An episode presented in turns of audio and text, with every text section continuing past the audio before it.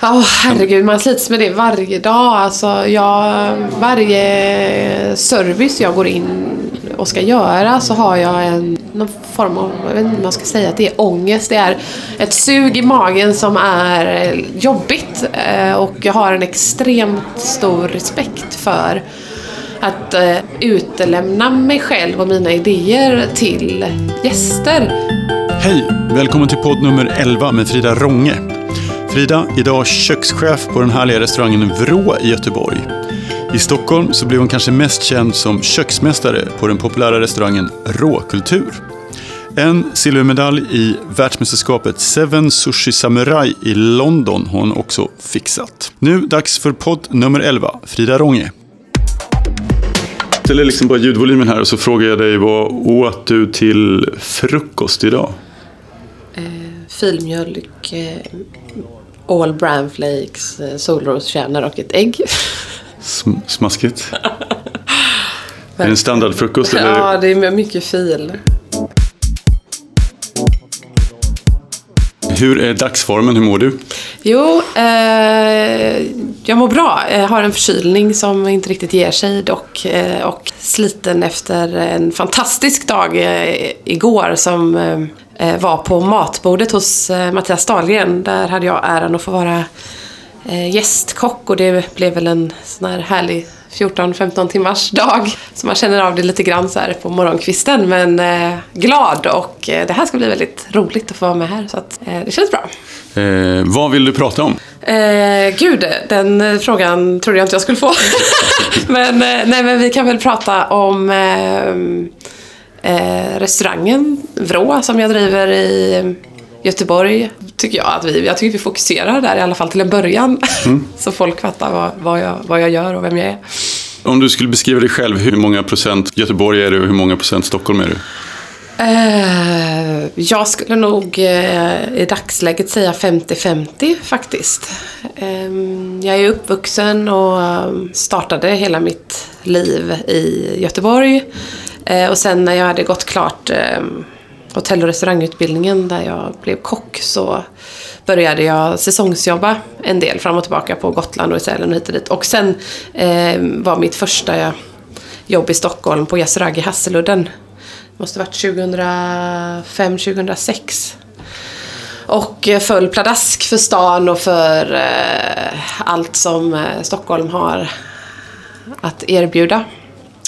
Eh, och sen så um, flyttade jag tillbaka till Göteborg och har gjort lite andra grejer, varit runt och rest och sådär. Och eh, flyttade tillbaka igen när vi eh, öppnade Råkultur tillsammans med Sajan eh, Isaksson då. Och bodde här igen i två år. Så att jag har liksom bott här och jobbat här hälften av min karriär kan man säga. Så att... 50-50? Eh, ja, exakt. Eh, jag vet inte om man kan svara på frågan, så här, vad, är, eh, vad är skillnaden i korthet på krogarna i Stockholm och Göteborg? Kan man ställa en sån fråga? Ja, absolut. Eh, skillnaden är att det finns extremt mycket mer här i Stockholm. Eh, som håller en högre generell kvalitet, tycker jag. Eh, vi har eh, Eh, ett mycket, mycket bättre utbud på restauranger i Göteborg idag än vad vi hade för tre år sedan när jag flyttade tillbaka. Det är skitskoj att det verkligen händer mer och, men jag kanske känner att Stockholm är mer i framkant vad som gäller trender och nytänkande generellt och framförallt då att det finns fler alternativ. Jag backar bandet lite. Eh, ditt första matminne, har du liksom, nu tänker jag dig, ganska, dig som ganska ung, vad, vad kommer du ihåg? Jag får den frågan eh, eh, då och då när jag har varit i intervjuer. Och det är faktiskt eh, när jag var fyra år redan. Då var min, eller är fortfarande faktiskt, en av mina favoriträtter fisksufflé. Som också var väldigt roligt att tillaga. För man vispar äggvitan i en bunke och ägggulan i en annan och då var min mamma eh, väldigt kreativ när vi lagade den här rätten. Och eh, vispade äggvitan eh, fast och så sen så vände hon på bunken över huvudet. Så det var liksom en, en show samtidigt som vi skapade en fantastisk rätt. Eller hon, jag tittar mest på Och så sen så när vi stoppade in den här fisksufflén i eh, ugnen så hade jag en blå liten stol som jag satte framför ugnen och såg sufflén växa. Så att det var liksom en process från att det låg massa råvaror på diskbänken till att det hände massa på vägen och sen att allting rörde sig. Tyckte jag var väldigt intressant och extra gott att äta. Kanske kan vara ett bra tips till föräldrar som vill väcka intresset för mat hos sina ja, barn. Absolut, och det är superbra om man får små barn att tycka om fisk tidigt. Så att, någonstans har det ju ändå gett mig någon form av riktlinje känns det ju som. Mor och far, var de normalt matintresserade eller var de väldigt matintresserade? Eller? Eh, jag tycker nog att mina föräldrar har eh, varit eh, lite mer intresserade än vanligt kanske. Men heller inte så här extremt. Pappa är jätte, jätteduktig på att laga mat. Han gillar mer att laga mat på helgerna när, när det finns tid. Och liksom, sätta igång en trerätters med lite så mer exklusiva råvaror. Mamma har varit en mer eh, vardagslagerskan. Eh, när det gäller maten och samla in alla oss ungar när vi var små. Eh, däremot var det väldigt, väldigt viktigt för mina föräldrar att vi åt middag tillsammans. Vilket var skithärligt tills man blev tonåring. Mm. Sen var det inte lika härligt när man ville åka in till stan och fika efter skolan eller man hade olika typer av aktiviteter när man ville hänga med sina polare och det var väldigt, väldigt viktigt att vi skulle vara hemma mellan fem och sex varje dag. För att ha den här stunden tillsammans och eh, ibland var den inte så härlig som de säkert önskade för att både jag och min storebror var kanske sura för att vi var tvungna att sitta där.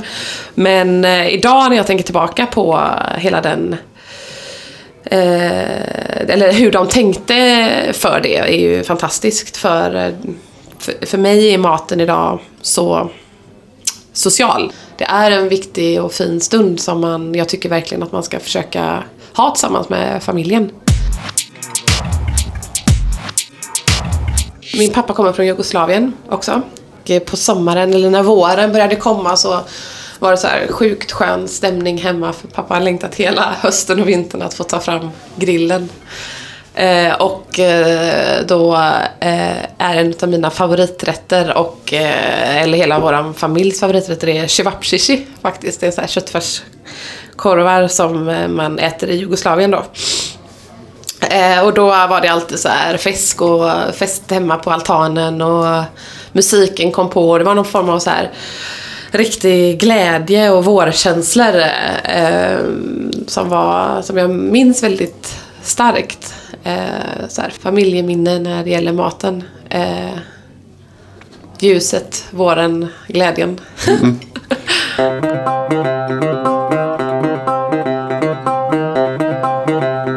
Sista året i högstadiet, där nian någonstans, så började jag bli väldigt så här, skoltrött och omotiverad till ja, skolan generellt och kände att jag ville göra någonting som var kreativt. Eller jag, jag lyssnade väldigt mycket på hon som hjälpte oss med när man skulle välja restauranglinje. Att om du känner så så tror jag att det är Anki Husberg hette hon. Eh, om du har de känslorna så tycker jag, eller hon rådgav mig att jag skulle välja någonting som jag tyckte var, skulle kännas roligt och inte så här om jag om 25 år vill jobba som detta så bör jag välja den här linjen. Utan mer, vad är du sugen på att göra just nu?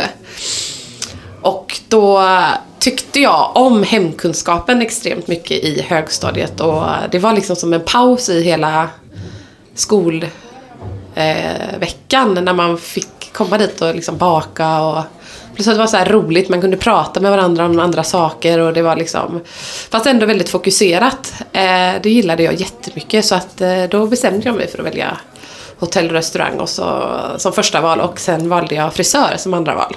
Och du ångrar aldrig att Nej, du... nej jag ångrar. Jag tycker att det är kul med hår och frisyrer mm. fortfarande men Ja, det kanske inte syns i och för sig. Jag mest hästsvans eller fläta nu för tiden. Du har ett bra hår. Ja, kan, men det, ja, det är långt och ljust och härligt. Du kan göra mycket med det. kan göra mycket med det. Mm. Ja, exakt.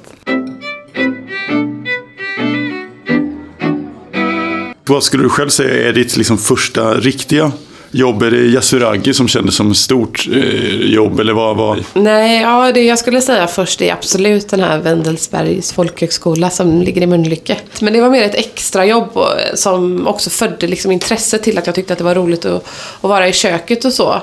Men eh, det var ju liksom inte fokuserat någonting på det som jag gör idag och den här liksom kärleken och eh, passionen som jag har för Japan. Det liksom hade ju ingenting med det att göra utan det var på Sälens högfjällshotell året efter studenten så eh, började jag jobba där. Så då jobbade jag där som frukostkallskänka första säsongen och stod och vek ost och skinka på fat i fem månader. Men jag gjorde det väldigt, väldigt noggrant och eh, fick då förmånen och frågan att eh, få jobba uppe i eh, Seafood Bar som låg på andra våningen i hotellet i pianobaren. Där de jobbar med fisk, skaldjur och sushi. Så året efter så började jag jobba där och lärde mig göra mackerullar och fastnade redan där väldigt starkt för den typen av mat. Och min pappa är Eh, driver fiskaffär i Göteborg så vi har ätit mycket fisk och så hemma som det har alltid legat mig varmare om hjärtat än att eh, laga kött. Eh, och så tyckte jag att det var lite konstigt för för tio år sedan så såg absolut inte sushin eh, ut som den gör idag. Utan de fiskarna som vi arbetade med då var lax, tonfisk, smörfisk, jätteräkor, eh, eh frysta pilgrimsmusslor, avokado och crabfish typ. Och det var, det, liksom, var så marknaden såg ut i Sverige. Eh, och jag funderade väldigt mycket på det, så här, varför man inte använder kräftor och varför man inte använder torsk och eh, andra fiskar som vi liksom, har i våra vatten, som vi åt till middag hemma. Liksom, varför använder man inte det? Eh, men det var liksom generellt på alla sushi-restauranger så var det det utbudet på fisk. Och där någonstans så kickade det igång mig att så här, det här måste vi typ Experimentera. Ja, precis. Och efter det så började jag jobba på, då flyttade jag, efter den säsongen flyttade jag till Stockholm. Och jobbade på Yasuragi Hasseludden och där jobbade jag egentligen inte sådär jättemycket just med sushin utan mer mot det japanska köket. Generellt lärde jag mig göra lite teppanyaki, så när man står och steker mat framför gästerna. Faktiskt lite på samma sätt så som eh, eh, middagen lagades igår på matbordet hos Mattias Dahlgren. Att mötet med gästen, man sitter runt bordet och eh, man är kock och får en kontakt med gästerna. Eh, man eh, kommunicerar och det blir härliga samtal mellan kocken och gästerna och gästerna sinsemellan. Men jag jobbade bara där i åtta månader. Jag tyckte att det blev att jag kunde inte göra det så bra som jag ville för att det, tiden räckte inte till. Så då bestämde jag mig för att sluta och gå vidare. Och då hamnade du på... Då eh, åkte jag tillbaka till Gotland faktiskt tillsammans med en tjej, eh, kompis som heter Helena. Ehm, och då åkte vi till Gotland och drev en liten sushibar i Visby som heter Yummy en sommar och jobbade jätte, jätte, jätte, jättemycket för vi hade bestämt oss för att åka jorden runt och ta en paus ifrån livet typ.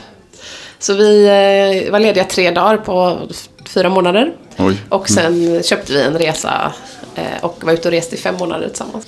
Häftigt. Men kunde du, alltså var det bara, kändes det mest som jobb eller var det så att ni experimenterade där?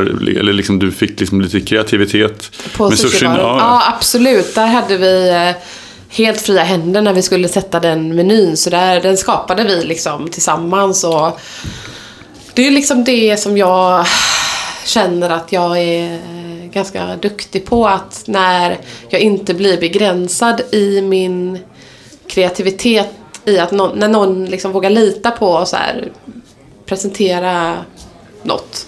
En rätter eller en meny eller något. Och man inte behöver begränsa sig. Eh, då blir det ofta som bäst och att man tar liksom detaljer i efterhand. Och där hade jag, det var egentligen första arbetsplatsen som jag hade så fria händer på. Ehm, faktiskt. Och det blev eh, väldigt bra för att det, då blir det att man blir extremt engagerad som kock för att det är liksom din personlighet som du har satt på menyn och det är gäster som kommer och har förväntningar och betalar för att äta det som du har skapat. Det blev en extrem drivkraft för mig. Gotland är väl roligt för det blir väl kanske också en liten snackis. Alltså gör man någonting bra Gotland, alltså Visby kan jag tänka mig, eller i Stockholm så blir det snabbt en snackis. Ja, precis. Så det, det märkte jag ju eh, sen när jag blev tillfrågad eh, att starta råkultur då tillsammans med Sajan. Så hade jag en del eh, gäster som hade varit och ätit hos mig på Gotland som hade hört att jag skulle bli kökschef där och sådär. Så att eh, ja, absolut. Och sushi, som jag nämnde tidigare, var inte så himla stort för ett par år sedan. Eh, faktiskt. När vi öppnade råkultur, det kändes som att någonstans där att det verkligen slog igenom i... När öppnades Råkultur? Vilket år? Ja, det måste ju vara 20... gud, Nu kommer Sajan döda mig om jag säger fel. Eh, 2009 eller 2010. Fem, sex år sedan. förlåt Sajan om jag säger fel nu. Men ja, ett, ett, fem, sex år sedan ish.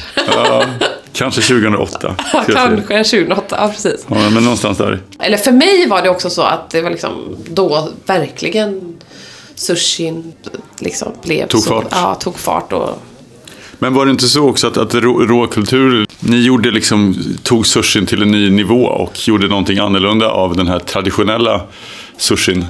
Ja, precis. Ehm, det var exakt så. Ehm, jag hade en kunskap i tekniker som att hur man gör sushi och kokar ris och gör nigiri och olika typer av japanska recept. Och Sayan är en utav absolut Sveriges fantastiska bästa kockar eh, och extremt innovativ och eh, väldigt, väldigt inspirerande människa. Så när vi träffades och liksom skulle prata om vad råkultur skulle bli och sådär så hade vi väldigt, väldigt eh, gemensamma uppfattningar vad vi ville och eh, gemensamma mål.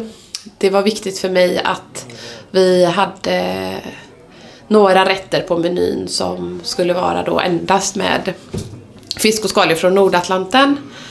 Eh, men det skulle också vara en typ av budgetrestaurang och lunchkrog. Vi hade bara öppet för luncher och sen eftermiddag det, det första typ ett och ett halvt året tror jag det var. Ehm, um... Man man kan ju också säga att för de som inte vet, som inte har varit på råkultur, den ligger ju lite den ligger i Vasastan och den ligger lite off. Det är ingen gata man går förbi om man inte... Precis, Kungstensgatan 2, precis där vid Engelbrektskyrkan. Ni Men- måste göra ett bra jobb för att få dit Ja, gäster. precis. Och det var... Vi, vi gjorde lite så mer galen sushi. Eh, som jag tycker är härligt att göra det på också.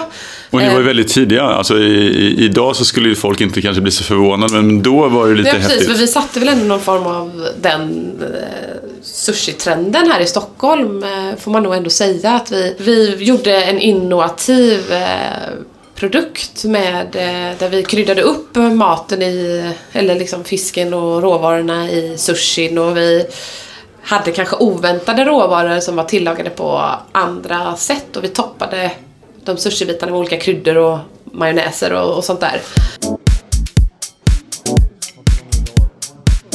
Tystnad, eh, tagning. Varsågod. Varje månad behövs tusentals statister. Statist.se har uppdrag till dig som vill vara statist, skådespelare, modell eller tv-publik. Hitta ett roligare jobb redan idag på statist.se. Tack så mycket. Där satt den. Men, men kan du uppleva att folk blir förvånade över att sushi kan smaka så gott? Ibland kan ju folk vara lite fördomsfulla och säga att sushi är bara sushi. Måste man, måste man, man måste komma i kontakt med den här.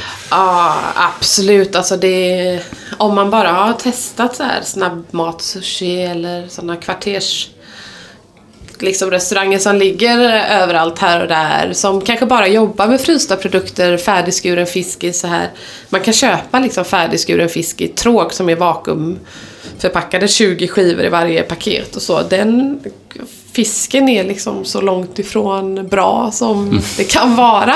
Eller att man eh, kokar riset tidigt på morgonen och så gör man färdigt risbollar och så lägger man bara på de här ehm, frysta fiskarna som är importerade från Indiska oceanen någonstans och eh, man har det här wasabi-pulvret och en ganska dålig kvalitet på garin. Det är klart att man inte får samma upplevelse som man får om man har ett nykokt eh, varmt ljummet ris, en färsk pilgrimsmussla från Norge eller en eh, kräfta eller en eh, makrill som är helt magisk i säsongen just nu. Det är klart att det är svårt att få samma upplevelse. Men det, jag tror att det är mycket liksom, okunskap hos eh, kocken som står bakom. Att man, man vet inte vad vi har här och därför vågar man inte använda sig utav det. Framförallt på de här små restaurangerna. Att de inte vet liksom, att de inte får hjälp. Eh, fiskleverantörerna kanske inte heller erbjuder dem rätt produkter och sådär. Men det är väldigt, väldigt roligt med de här det här nya stället Sushi Show som öppnat här på Uppland, är det Upplandsgatan? Ja, lite längre ner på gatan. ja, exakt. Ja. Eh, som gör en fantastisk grej. Det är en helt annan grej än vad vi gör på Bro. Utan detta är, det de gör är ju mer traditionellt japanskt. Att man äter en och en bit eller eh, sådär. Att det, det smakar väldigt Japan. Men jag tycker att det är roligt att det är olika ställen som ploppar upp här och där och att eh, man hittar sitt eget språk i maten och att man hjälps åt eh, att eh, ge varandra tips och eh, kunskap om vilka olika typer av råvaror man kan jobba med och vad man får tag i och vilken leverantör använder du och hur tillreder du detta? Och liksom försöker gemensamt skapa ett bättre sushi i Sverige. Mm. Men när du säger sushi, då, då tänker du lite... Alltså, ja, sushi betyder vinägersmaksatt ris för att vara... Jag tycker ändå att sashimi hör till det. Mm. Ofta på restauranger där man serverar sushi så eh, serverar man sashimi också för att det är ofta samma fisk utan riset liksom.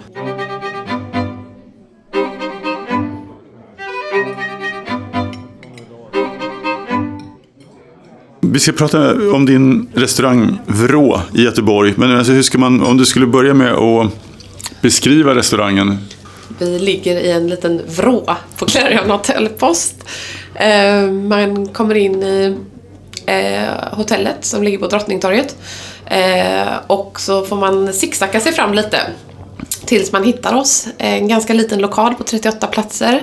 Det är, eh, våran slogan är Swedish ingredients, Japanese flavors. Utan att det betyder att vi ja, arbetar med, helt enkelt med svenska nordatlantiska råvaror och eh, smaker ifrån Japan. Vi, vi begränsar oss inte så att vi bara arbetar med svensk fisk och skaldjur för att det hade begränsat oss för mycket. Utan vi arbetar eh, ganska tätt med, eh, eller mot Nordatlanten också. Men så nära som möjligt upp utanför Norges kust och, och, så. Det beror lite på vilken typ del på året det är och så. Men huvudråvaran i alla rätter ska vara svensk eller nordatlantisk och sen så adderar vi smaker ifrån Japan.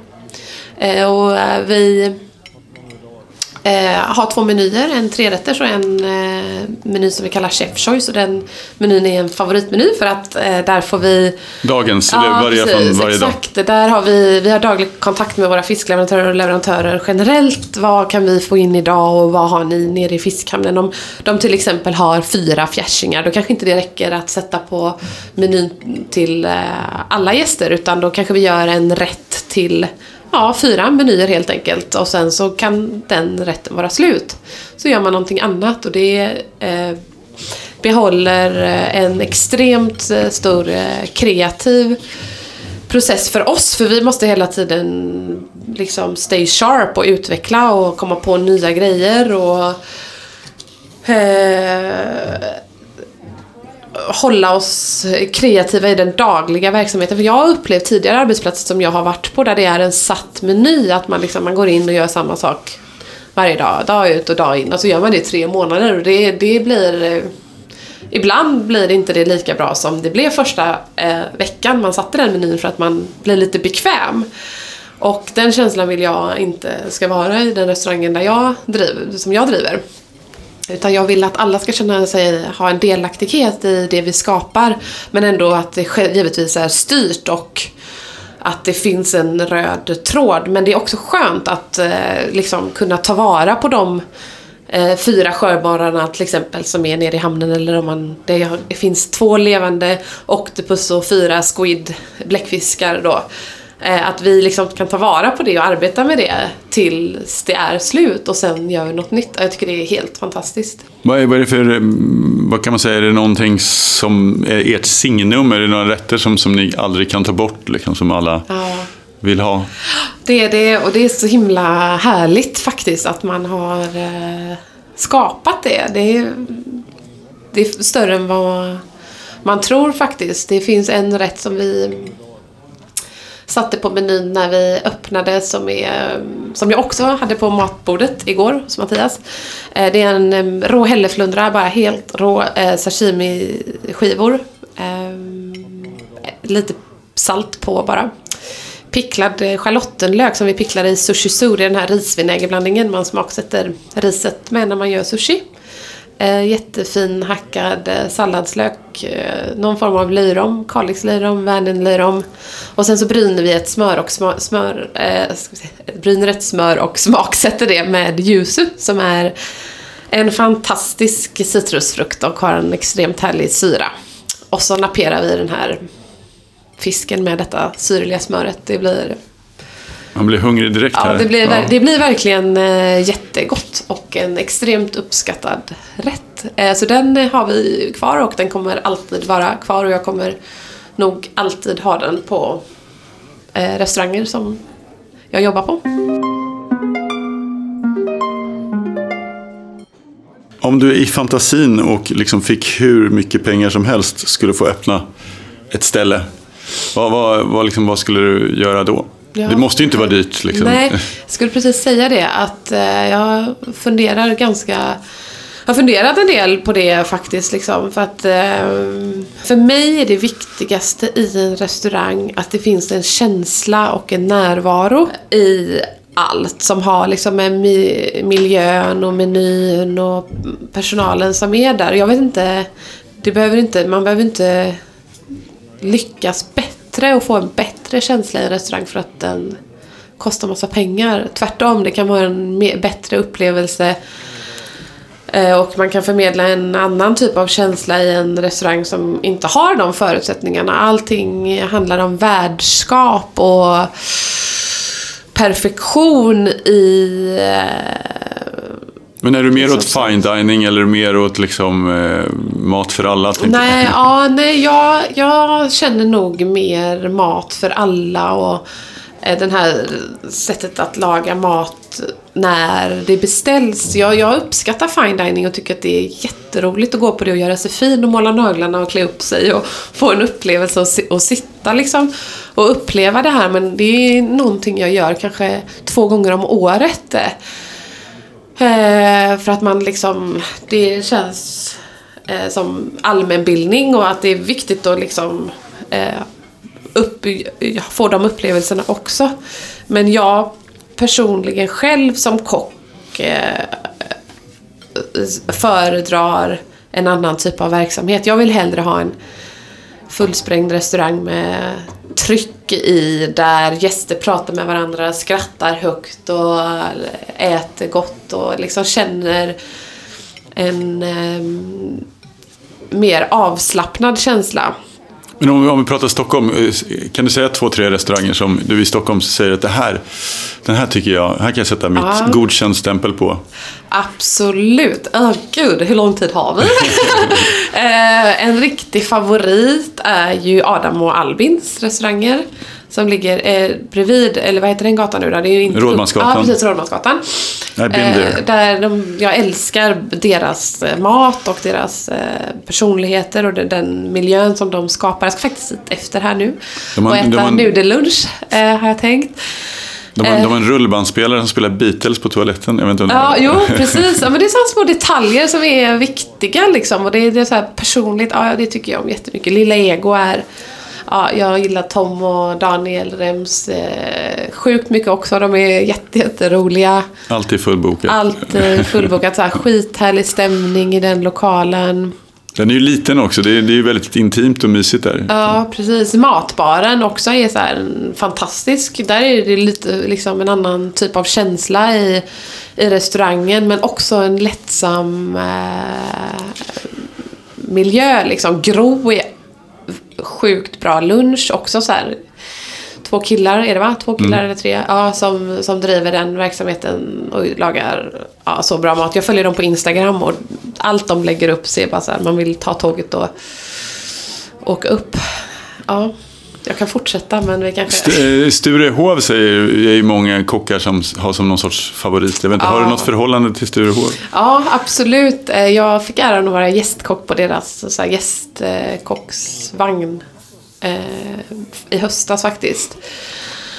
Och eh, hade då ett samarbete med Ola Stålnacke som är köksmästare där och han gör ett sånt fantastiskt jobb. Alltså det är en restaurang, de, de har hur många sittplatser som helst, de har fullt hela tiden och en logistik som är enorm. Att man har kunnat liksom skapa den eh, logistiken och att hålla den jämna kvaliteten som de gör där är för mig en gåta. Jag själv vet inte om jag skulle palla och jobba på ett sånt stort ställe där det trycks så mycket mat. Faktiskt. Det är inte riktigt... Jag, jag älskar att vara där. Alltså, jag, det, det är liksom givet att man går dit och tar ett glas och äter några ostron eller skaldjur eller vad som helst. Men eh, det, det är inte en, en sån typ av verksamhet som driver mig. Är det inte. Nej, det är nästan som en liten institution. Men det är roligt så här med O-baren där en trappa upp. Man kan gå upp och liksom få lite så här nattklubbsfeeling och så sitter man där i mellanbaren och eh, tjötar en sjukt skön eh, restaurangmiljö och uteterrass. Ja, nej, det är verkligen eh, ett härligt ställe. Men vad ser du för liksom, trender i Stockholm? Alltså, man, jag, jag kan ju tycka att till exempel Brillo då är rätt skönt häng på eller, vacker miljö som känns lite ny, nytänk. Så där. Vad, vad går du igång på liksom, de här olika Stockholmsställena? Jag tycker det är så eh, i liksom vilken dagsform också man är i. Ibland så är man sugen på att dricka liksom ett glas gott vin och då kanske man väljer att gå till det istället för att man känner någon där. Eller så är man sugen på att äta de godaste nudlarna eh, så då går man dit. Eller, eh, jag har så, så, så här svårt att säga ett ställe som man eh, alltid föredrar. Ja, det skulle väl kanske vara Sturehof för att det är ett så här säkert centralt kort också. Men ehm, eh, ja, jag vet inte. Svår fråga. Du får passa på ja, den. ja, jag passar så länge. Det är helt okej. Jag, jag tänker så här, inom näringslivet så pratar man ju liksom om kvotering. Eh, är det överdrivet att säga att det behövs någon sorts kvotering för att få in mer kvinnliga kockar? Behövs det fler kvinnliga kockar? Ja, ehm, alltså den här frågan har varit så aktuell så länge nu så att jag är inte trött på att prata om den men jag kan tycka att det liksom fokuseras så mycket på det. Eh, ja, det finns inte så jättemånga eh, kvinnliga kockar som kanske har en ledande kökschefsroll eller är krögare idag. Och vilket är kanske lite tråkigt då om man skulle önska liksom att eh, fler har eh, det intresset. Men däremot om man kollar i köken idag så är det inte så få eh, kockar. Som igår till exempel så var ju hälften utav eh, Mattias och Martin Bergs eh, kockar tjejer. Eh, och det är liksom så som jag faktiskt upplever köken eh, idag. Det är minst en eller två tjejer nästan i, i, i varje kök.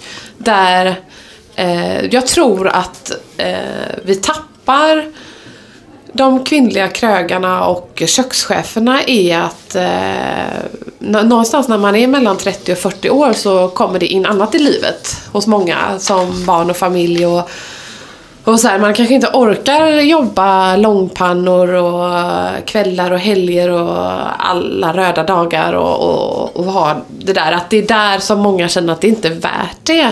Men om vi liksom, alltså så, som vi jobbar på Vrå så Sofia är ju förälder till exempel och det funkar jättebra. Det som är skillnaden är att vi behöver ha en extremt mycket eh, liksom längre framförhållning. Och då funkar det att men det behöver finnas ett schema och det behöver finnas en struktur i vårt sätt att driva restaurangen på. Så man har ju hört det här med liksom, först kom lite korvar och långkok och det var sy- syrade grönsaker finns på Ikea. Napoleanska finpizzan kanske, kebaben, eh, vi går in i det här mexikanska. Liksom, vad tycker du om trender? Hur är ditt förhållande till trender? Eh, det är klart att man påverkas av det. Men eh, det språket i den maten vi lagar är ändå eh, grunden i att det mötet ska vara liksom Sverige-Japan. Så vi har ju ändå så här, vi begränsar oss lite i det vi gör, vilket är skönt. Men samtidigt så Eh, jag var med i någon snabb intervju igår med Svenska Dagbladet att blomkål är det nya, den nya trenden. Typ. Vad, vad säger du om det? Jaha, shit, det visste jag inte. Jag vet inte hur jag ska svara på den här frågan. Visst, ja, det är ju svingott. Eller det är väl bra för att det är en, liksom en grönsak och så här. Eh, så jag har nog inte den bästa kollen på exakt vad som är så här, det här är det hetaste att ha på menyn just nu. Men man är ju, blir ju extremt påverkad av de sociala medierna som Twitter och Instagram och så man har en bättre koll vad folk postar och sådär hela tiden så att man kan söka väldigt mycket information runt omkring det. Det lustiga var att Daniel Berlin hade lagt ut en bild i morse på ett blomkålshuvud så tänkte jag shit det kanske verkligen är så att blomkålen är det nästa. Eh, vi har, har blomkål på menyn ibland men det är för att vi har valt det för att vi tycker att det är gott och härligt. Inte för att det är en trend. Fritidsintressen sådär, förutom maten, är är du liksom, hinner du med något eller hur, hur ser det ut för dig? Ja, det är faktiskt väldigt mycket bättre nu. Eh, fram till eh, kanske ett och ett halvt år sedan. Eh, innan det har det varit svårt tycker jag att få ihop det för att eh, de här eh, liksom den här yrkesrollen man har. Det är svårt att få dagen att räcka till på åtta timmar tycker jag, arbetsmässigt. Och då har det varit svårt att ha eh, intressen och tider. Eller jag blev väldigt stressad av att ha tider att passa för att man skulle göra en hobby. Jag var hästtjej tidigare, red i nio år. Men när jag började mm, hotell och restauranglinjen så kände jag direkt så här, "Åh, det här är, det är svårt att hålla tider och eh, när man har ansvar för djur och sådär. Det gav mig nästan liksom mer ångest för att jag tyckte att det var så roligt att eller i skolan då, plus att vi fick mycket praktikplatser där man jobbade liksom redan där på kvällar och vi hade olika lektioner som gick på, på kvällar på skolan och jag ville liksom inte bli störd av en hobby när jag kände att eh, jag tyckte att det var så roligt med det andra. Så då var, blev det liksom att skolan och liksom kockyrket blev min hobby och så fortsatte det nästan då i typ åtta år. Har väl här, tränat lite vid sidan av när jag eh, ja, har tyckt att det har varit kul typ. Åkt lite skidor och sådär men för två år sedan ungefär så eh, skaffade jag en personlig tränare som har förändrat hela mig känns det som till det positiva. Hon har hjälpt mig extremt mycket med, ja, med mig själv i eh, hur jag mår och eh, att jag är starkare och träningen har ju verkligen gett mig eh, eh, så mycket i min yrkesroll också. Jag tror inte att jag hade kunnat vara där jag är idag eh, psykiskt och fysiskt eh, och eh, som kock ifall jag inte hade fått den pausen i träningen och det andrummet att liksom relatera till olika nya val eller man ska skapa olika grejer. Så det är liksom ja, vanlig gymträning eller eh, löpning i skogen eller sådär. Sen har jag faktiskt börjat rida lite igen. Eh, någon gång varannan vecka kanske. Max. Hittills. Men det, det, är liksom, det har blivit viktigare nu eh, de senaste åren. Att jag känner att det, det ger mig egentligen mer som eh, kock och ledare när jag får pauserna. Och det är väldigt, väldigt, väldigt skönt att ha kommit dit och insett det. Det kanske är just är viktigt om, du- om du nu hinner rida också, att du får liksom en mer balans. Du känner att du får plocka upp någonting som du gjorde. Ja, exakt. Och så kommer man ut i naturen och äh, det är så här en... Ja, det är verkligen fantastiskt. Det rekommenderar jag alla som känner sig stressade. Att den timman eller de två timmarna som man avsätter ger en så mycket mer. Du berättade innan vi startade den här intervjun att, att du än idag, fast du har så lång erfarenhet, kunde vara, eh, ändå kunde vara ganska nervös när du lagar mat, liksom på dagarna. Ja, herregud, man slits med det varje dag. Alltså, jag... Mm, varje service jag går in och ska göra så har jag en någon form av, jag vet inte vad man ska säga, att det är ångest. Det är ett sug i magen som är jobbigt. Eh, och jag har en extremt stor respekt för att eh, jobba service och eh, utelämna mig själv och mina idéer till gäster som kommer att ha förväntningar och ska betala pengar och få uppleva någonting som jag försöker liksom förmedla.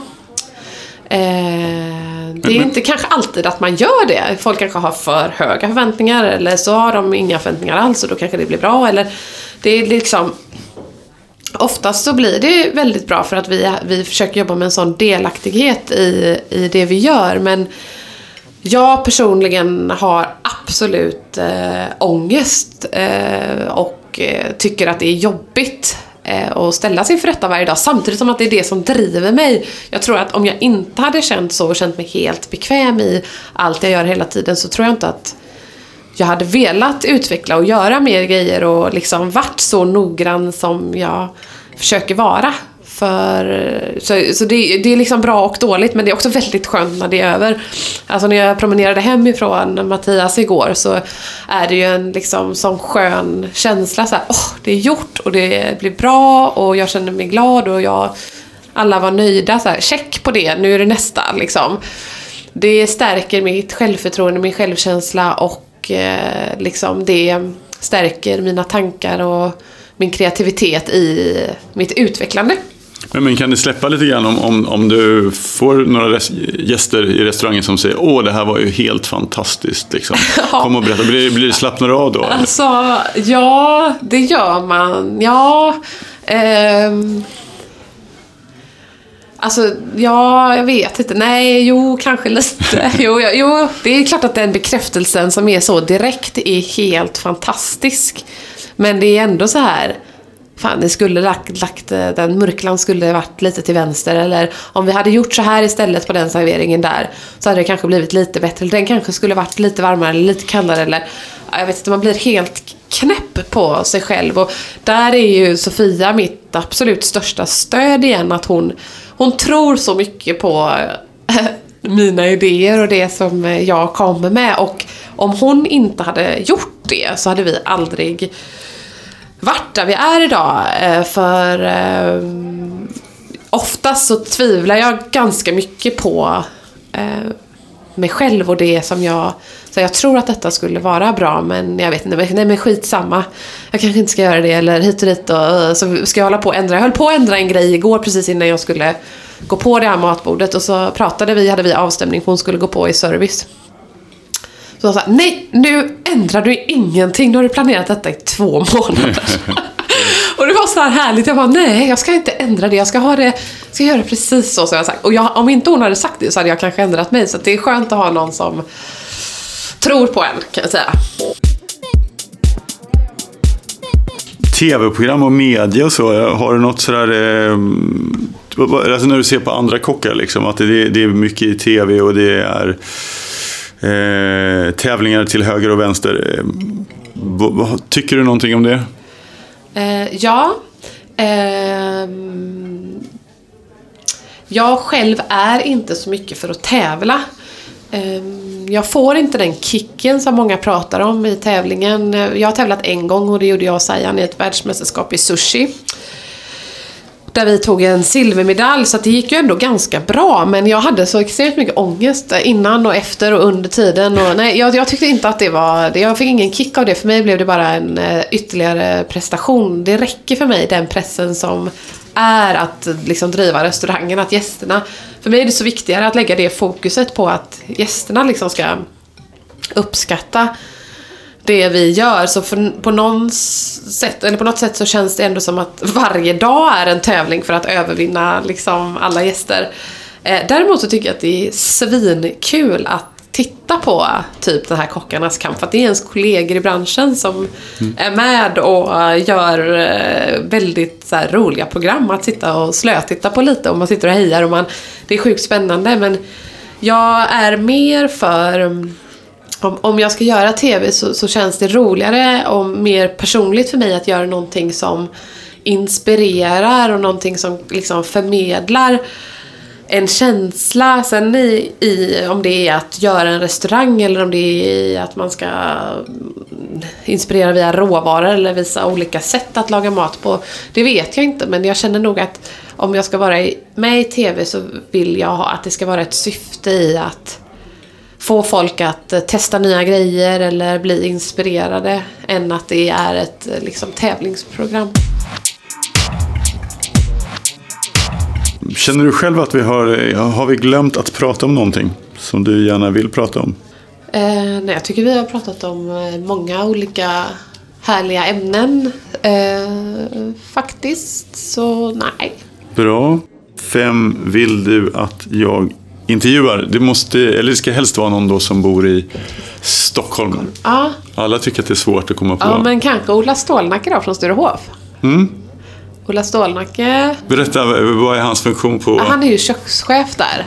Så han är ju liksom, driver ju ja, ansvarig för all mat som trycks även i det här, vad heter det, matmarknaden. Och eh, restaurangen och sådär. Så det är ju en annan typ av liksom, verksamhet. Och jag kan tänka mig att han har en extrem press på sig med alla kockar som hela tiden kommer dit och äter och liksom har förväntningar och så också. Så han kan nog vara intressant. Då tackar jag för att du kom hit till podden på Krogguiden. Tack så jättemycket att jag fick komma. Tystnad, eh, tagning. Varsågod. Varje månad behövs tusentals statister. Statist.se har uppdrag till dig som vill vara statist, skådespelare, modell eller tv-publik. Hitta ett roligare jobb redan idag på statist.se. Tack så mycket. Där satt den.